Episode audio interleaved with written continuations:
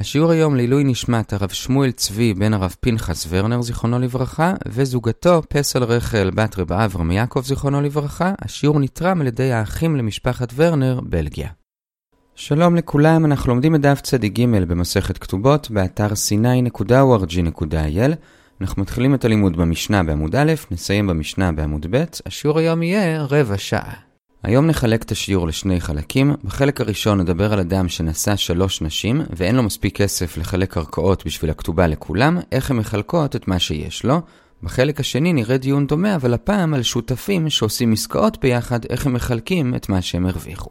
אז אנחנו מתחילים בחלק הראשון. אדם מתחתן עם שלוש נשים באותה חתונה, כך שמבחינת זמן השיעבוד, השיעבוד של כולם התחיל באותו יום, אלא שלאחת הוא כתב כתובה של 100, לאחת כתובה של 200 ולאחת כתובה של 300. והוא נפטר והוא השאיר קרקע, והיתומים צריכים לחלק את הקרקע בין הנשים לפי הכתובות שלהם. אז כמובן שאם הוא השאיר מספיק, כלומר קרקע ששווה 600, אז ניתן לכולם לפי מה שמגיע להם, 100, 200 ו-300. הבעיה היא מה עושים כשהוא השאיר קרקע שלא מספיקה לכולם. איך מחלקים? אז לגבי זה נראה שתי שיטות, שיטת רבי נתן, שזה המשנה, ושיטת רבי, אבל קודם כל נאמר איזה שיטה אנחנו לא נראה. אנחנו לא נראה שיטה שאומרת שמחלקים לפי אחוזים, כלומר שזאת של המאה תקבל שישית ממה שיש, שזאת של המאתיים תקבל שליש ממה שיש, וזאת של השלוש מאות תקבל חצי ממה שיש. זאת שיטה שאנחנו לא נראה. מה השיטות שאנחנו כן נראה? אז נתחיל בשיטה השנייה כי היא פשוטה, ואחרי זה נראה את השיטה הראשונה. השיטה השנייה זה כאמור שיטת רבי, והוא אומר שאין שום הבדל בין אנשים. כלומר, למרות שלאחת מגיע 300 ולאחת 200 ולאחת 100, בכל זאת, מבחינת השיעבוד של הקרקעות אל אותם נשים, כל הקרקעות שהבעל הוריש משועבדות באותה מידה לכל אותם נשים, בשביל לתת להם את כל הכתובה שלהם. ולכן אין שום הבדל בין אנשים, ולא משנה איזה קרקע הוא השאיר, אנחנו לוקחים את כל הקרקע, ולכל אנשים יש חלק שווה בכל הקרקע. ולכן אם למשל הוא השאיר קרקע ששווה 100, 200 או 300, תמיד יחלקו שליש, שליש, שליש. אם הוא השאיר יותר, אז כמובן שמי שקיבל את מה שמגיע לו לא יקבל יותר, מי שעוד לא קיבל את מה שמגיע לו, יחלקו את מה שנשאר, ולכן למשל, אם הוא השאיר קרקע של 400, אז את ה-300 יחלקו ביניהם שליש שליש שליש, כל אחת תקבל 100, והאישה שאמורה לקבל רק 100, כמובן תסתפק בזה. ה-100 הנותרים יחלקו ביניהם 50-50, שתי הנשים האחרות, ואם למשל הוא השאיר 550, אז גם כאן את ה-300 הראשונים יחלקו שליש שליש שליש, נשארו לנו 250, את ה-200 מתוך ה-250 יחלקו חצי חצי לכל אחת 100, כך שהאישה של ה-200 בעצם עכשיו קיבלה את כל מה שמגיע לה, 100 ממקודם ועוד 100, אז היא גם תלך עם ה-200 שלה, ומה שנשאר, שזה 50, ייתנו לאישה של ה-300. אז היא לא קיבלה את כל ה-300, אבל היא קיבלה מתוכם 250. אז זאת שיטת רבי, אין הבדל בין אנשים, לוקחים את כל הקרקע הוא השאיר ומחלקים שווה בשווה, מי שקיבלה את מה שמגיע לה, כמובן שלא ממשיכה להתחלק בשאר. השיטה הראשונה זה שיטת רבי נתן, המשנה שלנו, שגם הוא מסכים, כמו שהקדמנו, שלא מחלקים לפי אחוזים, אלא מחלקים שווה בשווה. ההבדל בינו לבין רבי זה שאנחנו לא מסתכלים על כל הקרקע כחטיבה אחת, אלא מחלקים אותה כביכול לחלקים לפי הסכומים שמגיעים לנשים. כלומר, במקרה שלנו יש לנו אישה של 100, אישה של 200 ואישה של 300, אז אנחנו לא אומרים שגם לאישה של ה-100 כל הקרקע משועבדת, כמו שרבי אמר, אלא מה שמשועבד לה זה רק חלק ששווה 100, ואותו דבר לאישה של ה-200 משועבד רק חלק ששווה 200, ולאישה של ה-300 משועבד חלק של 300. וממילא החלוקה העקרונית אמורה להיות כך. אם הבעל השאיר הקרקע של 100, אז ה-100 האלו משועבדים לכל הנשים, ומחלקים אותם בשווה, כמו שאמרנו, ובזה אין הבדל בין רבי נתן לרבי. אבל אם הבעל השאיר קרקע של 200, אז בחלק של המאה הראשונים, כל הנשים שוות, כאילו כולם מגיע או 100 או יותר מ-100, וממילא את המאה הראשונים באמת נחלק שווה בשווה, 33 ושליש לכולם. אבל במאה הנוספים, לאישה הראשונה לא מגיע כלום, כי המאה האלו כבר לא משועבדים לה, אלא רק לשתי הנשים הבאות, שגם להם מגיע עוד 100 לפחות, וממילא את המאה האלו נחלק רק בין שתי הנשים. ואז יוצא שהאישה של המאה תקבל רק 33 ושליש, שתי הנשים הבאות עקרונית אמורות לקבל 83 ושליש. זה במקרה של 200. במקרה של 300, אז נמשיך על פי אותו היגיון. האישה של ה-200 תסתפק ב-83 ושליש שהיא עכשיו קיבלה, כי לה אין שייכות ל-100 הנוספים שיש, ורק האישה השלישית תקבל את ה-100 הנוספים, ולכן היא תקבל 183 ושליש. זה עקרונית מה שאמור להיות לפי ההיגיון של רבי נתן. הבעיה היא שהמשנה לא אומרת בדיוק את זה, והגמרא תביא שני הסברים למספרים של המשנה. מה שהמשנה כן אומרת, זה שבמקרה של ה-200, האישה הראשונה תקבל 50, ולא רק 33 ושליש, ושתי הנשים הבאות יקבלו שתיהן 75, שוב 50, 75, 75. במקרה של 300, האישה הראשונה שוב תקבל 50, השנייה הפעם תקבל 100, והשלישית 150. אלה המספרים במשנה. כאמור, זה לא המספרים שאמרנו שאמורים להיות לפי הגאון של המשנה, שאמרנו שזה אמור להיות 33 ושליש, 83 ושליש ו-183 ושליש, והשאלה היא איך המשנה בכל זאת הגיעה למספרים שהיא הגיעה, אז כאמור יש לזה שני הסברים בגמרא, הסבר אחד של שמואל, הסבר שני של רבינה, שניהם עושים אוקימתא במשנה, בשביל לומר זה לא מדבר על המקרה הרגיל, ולכן המספרים שונים. מה אוקימתא? אז שמואל אומר שבמשנה מדובר שמישהי ויתרה לאחרות. כלומר, במקרה של המאתיים, השנייה ויתרה לראשונה, כלומר היא אמרה לה שבמאה הראשונים, שזה מגיע גם לראשונה, אני השנייה לא בעסק, וממילא זה כאילו שבמאה הראשונים יש רק שתי נשים, ולכן הראשונה תקבל 50 ובזה היא תסיים.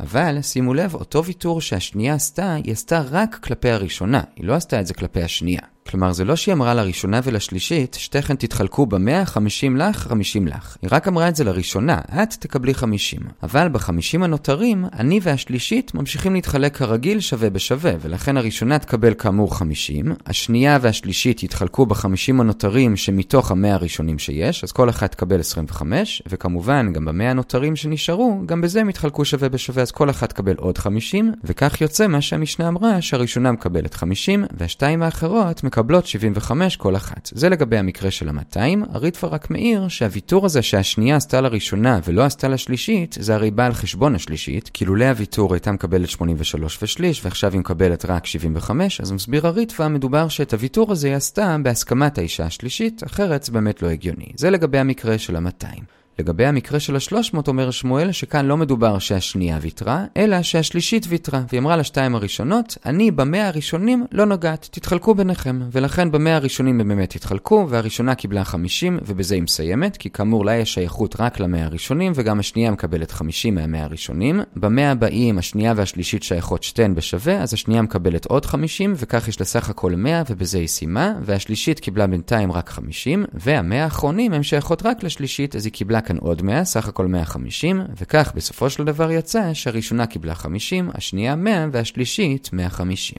עד כאן ההסבר של שמואל למספרים במשנה. שוב, במקרה של ה-200 מדובר שהשנייה ויתרה על המאה הראשונים ביחס לראשונה, במקרה של ה-300 מדובר שהשלישית ויתרה על המאה הראשונים ביחס לראשונה ולשנייה. זה לפי שמואל. ההסבר השני זה של רבינה, הוא גם עושה אוקימתא, אבל אחרת. הוא לא אומר שמישהי ויתרה, אלא הוא אומר שכשהם קיבלו את הקרקעות, אם הם היו מקבלות את כל הקרקע בבת אחת, אז באמת היה אמור להיות המספרים שאמרנו בהתחלה, שלכאורה אמורים להיות כתובים במשנה, שזה 33 ושליש, 83 ושליש ו-183 ושליש. אבל כאן אומר רבינה, לא מדובר בזה, אלא הם קיבלו את הקרקעות בשלבים, ובכל שלב הם חילקו את הקרקע שיש, לפי ההיגיון שאמרנו במשנה. איך זה מסביר לנו? אז בואו נראה. במקרה של ה-200, אומר רבינה, הם קיבלו את הקרקע לא ב-200 בבת אחת, אלא בהתחלה 75, ואחרי זה 125. וממילא, כשהם קיבלו את ה-75, לזה יש שייכות לכולם, ולכן הם חילקו את זה שווה בשווה, 25 לכל אחת. אחרי זה, כשהם קיבלו את ה-125, אז את זה הם צריכים לחלק לשני שלבים, 75 ו-50. למה? כי הרי הראשונה, סך הכל מגיעה ל-100, והרי 25 היא כבר קיבלה בחלוקה הראשונה. ממילא מבחינתה, מתוך ה-125 שנותרו, יש לה שייכות רק ל-75.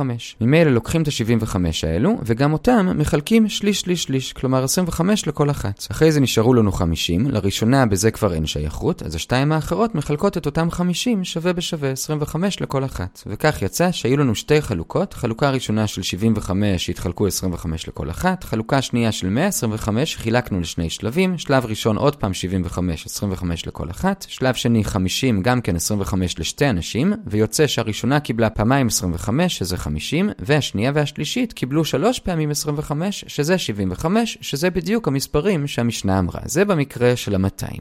במקרה של ה-300 גם כן מדובר בשתי חלוקות, כשגם כן את השנייה אנחנו מחלקים, אבל הפעם לשלושה שלבים, וזה הולך כך. החלוקה הראשונה הייתה קרקע של 75, אז גם כאן מחלקים לשליש, ממילא 25 לכל אחת. החלוקה השנייה הייתה של 225, אבל כאמור נחלק אותה לשלושה שלבים. בשלב הראשון אנחנו אומרים לראשונה, את קיבלת בינתיים 25, את רוצה סך הכל לקבל 100, אז ניקח את ה-75 הנותרים שאת רוצה, וכמובן לכולם יש שייכות באותם 75, אז נחלק אותם בין השלושה, אז כל אחת קיבלה עוד 25. ובזה בעצם הראשונה סיימה את מה שהיא אמורה לקבל, סך הכל היא קיבלה 50 מתוך ה-100 שהיא אמורה לקבל, וכאן יש איזה חידוש קטן, כמו שהיא קיבלה 50 מתוך ה-100, נאמר את זה גם על שתי הנשים האחרות, גם אותם אני מחשיב שהם קיבלו 50 מתוך ה-100 שהן אמורות לקבל, ובזה בעצם סגרנו את ה-100 הראשונים. השלב הבא נתמקד עכשיו באישה השנייה, האישה השנייה כביכול קיבלה 100, כי היא קיבלה 100 מתוך ה-100 הראשונים, עכשיו מגיעה לה עוד 100, אז ניקח עוד 100, ונחלק גם אותם בין כל מי שאותם 100 מגיעים, שזה האישה השנייה והשלישית, אז כל אחת מהם תקבל עכשיו עוד 50, ובזה האישה השנייה גם כן סיימה, סך הכל היא קיבלה 100, שזה 25, 25 ו-50, ומה שנשאר לנו זה 50, שהיחידה שזה מגיע לה זה האישה השלישית, אז היא מקבלת 150, וכך גם הגענו למצב של 50, 100 ו-150. אלה שני הסברים למספרים במשנה שלנו. שוב, לפי שמואל מדובר שאחת הנשים ויתרה, וכך המשנה הגיעה למספרים. לפי רבינה מדובר שהקרקעות לא הגיעו באותו זמן, אלא בשלבים, וכך הגענו לאותם מספרים. אני שוב מזכיר, כדאי לראות את זה באתר c9.org.il, שם יש סיכום של זה עם טבלה, ואז הרבה יותר מובן. גם כן הוספנו שם סרטון, שבו כתבנו את זה תוך כדי שאנחנו מסבירים על לוח, ואז זה עוד יותר מובן, אבל אני מקווה שגם זה היה מובן. בכל אופן, עד כאן החלק הראשון של השיעור, חלוקת הכתובות כשאין מספיק כסף לכולם. ראינו בהתחלה את שיטת רבי, שפשוט מחלקים שווה בשווה לכולם. אחרי זה את שיטת רבי נתן, שזה המשנה שלנו, שמחלקים את זה לשלבים, לפי מה שמגיע לכל אנשים, אחרי זה מה שמגיע רק לשתי אנשים, ובסוף מה שמגיע רק לאישה האחרונה, וראינו שני הסברים, שמואל ורבינה, איך המשנה הגיעה למספרים שהיא הגיעה. זה היה החלק הראשון. החלק השני זה לגבי שותפות עסקית, כלומר למשל, אני ואתה עשינו שותפות, קנינו פרה ביחד, אני שמתי 100 ואתה שמת 200, השאלה היא איך אנחנו מחלקים את הרווחים בינינו. זה הנושא באופן כללי, עוד לא נראה את מה שהמשנה אומרת על זה, נתחיל מהגמרא, בסוף זה יביא אותנו למשנה. אז קודם כל בגמרא נאמר שני דברים שמוסכמים, אחרי זה נאמר במה יש מחלוקת. מה שמוסכם קודם כל זה שהקרן כמובן מתחלקת לפי האחוזים. כלומר למשל אם קנינו פרה ובסוף מכרנו אותה באותו סכום ולא היה רווח, אז כמובן אני שמתי 100 מגיע לי רק שליש, אתה שמת 200 מגיע לך שני שליש. זה ברור, הקרן כן לפי אחוזים. הדבר השני שברור זה חידוש של שמואל, וזה לא לגבי הקרן, אלא לגבי הרווח, וזה קצת יפתיע אולי, וזה שאם יש רווח שתלוי בשנינו, אנחנו מתחלקים ברווח שווה בשווה ולא לפי אחוזים. כלומר, למשל, אם קנינו פרה והשתמשנו בה בשביל חרישה, ועל כל שבוע הרווחנו 100 שקל, נחלק את ה-100 שקל 50-50, ובאותה מידה אומרים הראשונים, אם קנינו פרה ב-300 שקל ומכרנו אותה אחרי חודש ב-400 שקל, אז את הרווח של ה-100 גם כן נחלק 50-50, גם זה מוסכם על כולם, ומה הסברה? קרה, אמנם לך יש יותר אחוזים בקנייה, אבל סוף סוף בשביל שנעשה את הרווח הזה, היינו צריכים את שנינו באותה מידה. אני לא יכולתי לקנות את הפרה בלעדיך, ואתה לא יכולת לקנות את הפרה בלעדיי, ולכן הרווח שיצא מהפרה כפרה באופן כללי, היא של שנינו באותה מידה, וזה גם חרישה, וגם אם עשינו בפרה מסחר. עד כאן גם זה מוסכם על כולם. המחלוקת זה מה קורה אם בסוף שחטנו את הפרה ומכרנו את הבשר. לא משנה אם קנינו אותה בשביל זה מראש, או אפילו אם קנינו אותה מראש לחרישה ובסוף החלטנו לשחוט. בכל מקרה, כאן כבר יש מחלוקת. רבא אומר שזה שונה מפרה למסחר או לחרישה. הרי בפרה למסחר או לחרישה, אני מסתכל על הפרה כחטיבה אחת. כל הפרה כולה חורשת, או את כל הפרה כולה מכרנו. לעומת זאת, כשקונים פרה לבשר, הרי בסוף מחלקים אותה. כלומר, אני מסתכל על כל קילו וקילו. אז כאן אני כבר כן יכול לומר שאתה אחראי לשני שליש מהמשקל המשקל שלה, אני אחראי לשליש אחד, ולכן אתה תקבל שני שליש ואני שליש. לעומת זאת רב אמנונה אומר שלא. גם כאן אפילו שבסוף מחלקים את הפרה, בכל זאת, לקנות את הפרה לא יכולת בלעדיי, כי אם היית מנסה לקנות פרה רק ב-200 שקל, לא היית קונה פרה ששווה שני שליש ממה שקנינו. היית קונה פרה ששווה הרבה פחות, כי ב-200 שקל פשוט אין פרות שוות. זה או פרה ב-300, או פרה כחושה לגמרי ששווה אולי 50. ממילא אתה כן צריך אותי, ולכן גם כאן מחלקים שווה בשווה. אז שוב, כשזה לשחיטה, כלומר למשקל, לפי שמואל כאן זה כן לפי אחוז. אחוזים, לפי רב אמנונה עדיין זה חצי חצי. זאת המחלוקת. עכשיו הגמרא מביאה שתי קושיות, קושייה אחת על רבא וקושייה שנייה על שניהם. הקושייה על רבא זה מברייתא שיש בה רישא וסיפא. הרישא היא בדיוק כמו הדין של שמואל, שניים שלמשל השתתפו ביחד בשביל לקנות פרה לחרישה וחרשו, הרווח הולך לאמצע, זה הרישא, בינתיים אין בזה חידוש, זה כמו שמואל וזה לא קשה על אף אחד עדיין. הבעיה היא הסיפא, הסיפא מביאה מקרה שבו הרווח לא הולך לאמצע, וזה אם במקום שהם יקנו ביחד פרה לחרישה, כל אחד פשוט הביא פרה מהבית והם הקימו עסק לחרישה עם שתי פרות, אלא שאחד הביא פרה ששווה 100, ואחד הביא פרה חזקה יותר ששווה 200, ובמקרה כזה זה אומרת הברייתא, הרווח לא הולך לאמצע, אלא הוא מתחלק לפי האחוזים, כי הפרה החלשה יותר של המאה חורשת פחות מהפרה החזקה יותר של המאתיים. עכשיו, למה זה בעיה? הבעיה היא שאם הברייתא הייתה סוברת כמו רבה, שלא רק במקרה שכל אחד הביא פרה מהבית, אלא גם במקרה שהם השתתפו וקנו פרה, אלא שמשתמשו בה לשחיטה ולא לחרישה, שגם אז זה לפי אחוזים, אז למה הברייתא כשהיא רצתה להביא מקרה שבו זה כן לפי אחוזים, למה היא הרחיקה והביאה מקרה שבו כל אחד הביא פרה מהבית, למה היא לא פשוט הביאה את המקרה של רבה שהם הרוויחו מהשחיטה? אלא כנראה שהברייתא חולקת על רבה. זאת הקושייה על רבה, עונה הגמרא, זה לא קשה. הברייתא התכוונה בדיוק לזה. התכוונה לומר שבאמת גם במקרה של רבה שהם שחטו, זה כמו מקרה שכל אחד הביא פרה מהבית, ובשניהם זה מתחלק לפי האחוזים, וממילא זה לא קשה. אז עד כאן הקושייה על רבה והתירוץ. הקושייה הבאה זה כבר קושייה על כולם, כלומר גם על המקרה שבו כולם לכאורה הסכימו שזה מתחלק חצי חצי, וזה כשהם קנו את הפרה ביחד לחרישה או למסחר, והקושייה היא מהמשנה שלנו. המשנה שלנו במשפט האחרון שלה בפירוש אמרה, וכן ג' שהטילו לכיס, כלומר שלושה אנשים השתתפו ביחד, כל אחד שם סכום אחר, פיחתו או הותירו, כך הן חולקין. כלומר, לפי הסכומים שהם שמו, באותם אחוזים הם מרוויחים או מפסידים, כלומר זו קושייה חזיתית נגד שמואל שאמר שזה מתחלק שווה בשווה. על זה עונה הגמרא, המשנה לא התכוונה שהם הרוויחו או הפסידו מהמסחר שהם עשו או מהחרישה שהם עשו. אז באמת זה כמו שמואל שזה מתחלק חצי חצי, אלא למה המשנה התכוונה? התכוונה שהם באמת שמו מטבעות, אבל הם עוד לא קנו משהו באותם מטבעות, אלא המטבעות עצמם הרוויחו או הפסידו. למשל בימינו שהערך של המטבע עלה או ירד, וממילא במקרה כזה, כיוון שהם עוד לא עשו שום דבר עם המטבעות, אז כאן כמובן שזה מתחלק לפי אחוזים, כי הסחורה הראשונית שהם שמו עדיין שם, והיא זאת שהרוויחה או הפסידה, אז כל אחד ירוויח או יפסיד לפי האחוזים שלו, וזה לא קשה על שמואל, כי שמואל דיבר כשהם קנו סחורה ואותה סחורה הרוויחה, אז כבר זה מתחלק חצי וזה הגענו למשנה בעמוד ב', ועד כאן החלק השני של השיעור לגבי עסקה משותפת. נעצור כאן, נחזור על מה שראינו, חילקנו את השיעור לשני חלקים.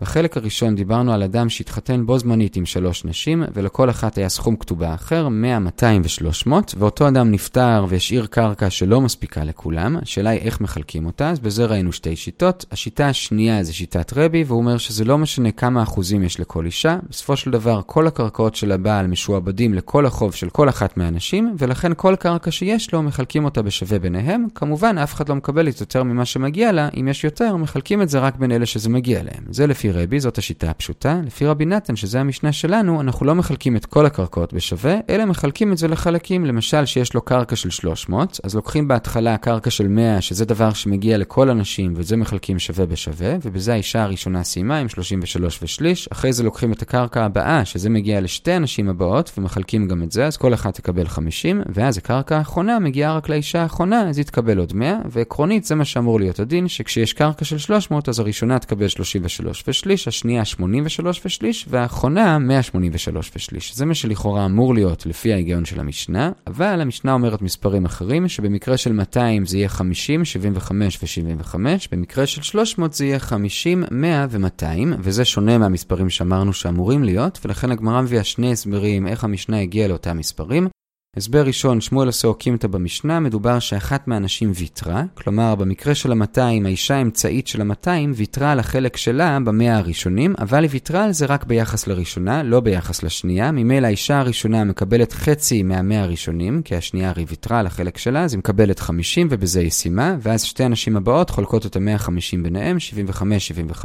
במקרה של ה-300 מדובר שהשלישית ויתרה על כל החלק שלה במאה הראשונים, גם לראשונה וגם לשנייה, אז שתיהן מתחלקות במאה הראשונים, אז הראשונה קיבלה 50 והלכה, השנייה גם קיבלה 50, במאה הבאים השנייה והשלישית מתחלקות, אז השנייה קיבלה עוד 50, שזה 100 סך הכל והלכה, והשלישית מקבלת את המאה האחרונים, סך הכל 150. אז זה ההסבר של שמואל, אחת מהנשים ויתרה.